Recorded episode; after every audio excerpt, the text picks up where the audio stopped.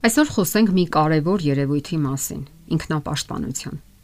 Յուրաքանչյուրը թող իրեն հարց տա. արդյոք կարողանում է պաշտպանել իրեն։ Իսկ գիտեք, որ գոյություն ունեն ինքնակայքայման այնպիսի եղանակներ, որոնց մասին դուք անգամ չեք էլ մտածել։ Եվ խոսքը միայն ֆիզիկական վնասվածքների մասին չէ, այլ հոգեբանական։ Ընդ որում դրանք սովորաբար նկատելի չեն շրջապատի համար, սակայն աստիճանաբար ոչնչացնում են անձի հոգեբանական, պաշտպանական ապաշարներն ու սահմանները։ Սկզբում դրանք անվնաս ու անմեղ են թվում, սակայն ի վերջո հանգեցնում են լուրջ կորուստների եւ անգամ կարող են մղել ինքնասպանության։ Ահա թե ինչու արժե որ իմանաք այդ մասին։ Հոգեբանները ուսումնասիրությունների արդյունքում ներկայացնում են այն նշանները, որոնք կարող են վկայել անձի ինքնակայքայման գործընթացների մասին։ Առաջինը՝ դրամական անիմաստ վատնումներ։ Շատ մարդիկ սթրեսների ժամանակ փորձում են գնումների միջոցով դուրս գալ այդ վիճակից։ Նրանք փորձում են այդ կերպ լցնել իրենց ներքին դատարկությունը։ Դա կապված է ինքնագնահատականի հետ։ Մարդկանց թվում է, որ եթե ավելի շատ իրեր ու նյութական արժեքներ ունենան, ապա թե իրենք եւ թե ուրիշները ավելի շատ կսիրեն եւ կընդունեն իրենց։ Գնումների ժամանակ նրանք միգուցե երջանիկ են, սակայն անցնում է այդ պահը եւ գիտակցում են, որ անիմաստ վատնել են դրամները։ Դրանից նրանք ավելի են նյարդայնանում, սակայն գալիս է հերթական փորձությունը եւ նորից ամեն ինչ կշկնվում է։ Եվ այդ արատավոր շրջանը թվում է վերջ չունի։ Շատ մարդիկ իրենց մեկուսացնում են արհեստականորեն։ Սա եւս ինքնակայքայման տարատեսակ է։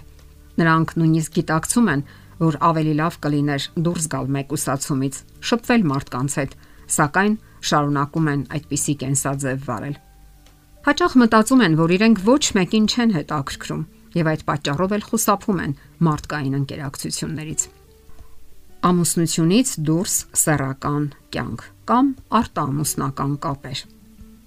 Ոմանք էլ այս կերպ են փորձում լցնել իրենց ներքին դատարկությունը։ Նրանց թվում է, թե ģեր սեռականությունը եղանակ է սթրեսներից ազատագրվելու։ Մտածում են, որ իրենք են կառավարում իրենց մարմինն ու հույզերը եւ կարող են վարվել իրենց ուզածի պես։ Սակայն ամեն անգամ անկանոն սեռական կապերից հետո ներքին դատարկություն եւ ամայություն են զգում, միայնություն եւ անբավարարվածություն եւ նույնիսկ դեպրեսիա։ Իսկ երբ նրանց ցավ են պատճառում, նրանք հավատում են, որ արժանի են այդպիսի վերաբերմունքի։ Շատ մարդիկ իրենց պահանջմունքները դնում են վերջին տեղում Երբ հանուն ուրիշների զոհաբերում եք ձեր սեփական պահանջմունքները, դա եւս ինքնակայքայման ուղակի ճանապարհ է։ Ուշադրություն դարձրեք, թե ինչքանով եք, այսպես ասած, կուլ գնում ուրիշներին։ Օրինակ, դուք սիրում եք վաղ քնել եւ վաղ արթնանալ, սակայն ուշ երեկոյան գալիս են ընկեր-ընկերուհիները եւ զբաղեցնում ձեզ։ Ինչի արդյունքում առավոտյան արթնանում եք ծանրացած գլխով եւ անքուն ու չհանգստացած։ Ու դա կշկանվում է անընդհատ կամ ձեր գումարները տալիս եք ուրիշին։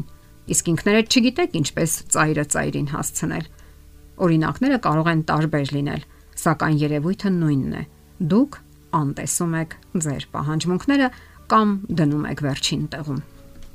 Շատակերություն կամ քչակերություն սա ինքնակայքայման ավելի երևացող եւ բացահայտ ձև է։ Նկատել եք, որ շատ եք ուտում, անկանոն, առանց խտրականության հետո ավելորդ քաշ եք հավաքում կամ էլ նիհարում։ Արդյունքում սկսում եք վատ զգալ կամ էլ առողջական խնդիրներ եք ունենում եւ սկսում եք այդ պատճառով ատել ձեզ։ Հաջորդ պահը։ Ձեր կյանք են մտնում այսպես կոչված թունավոր մարդիկ։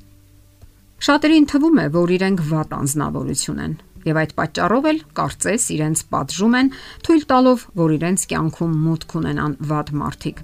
Իսկ արդյունքները կարծում ենք հասկանալի են բոլորին։ Հազիվ թե կարելի է որևէ լավ բան սпасել վատ անznավորություններից։ Սա եւս ինքնակայքայման մի եղանակ է։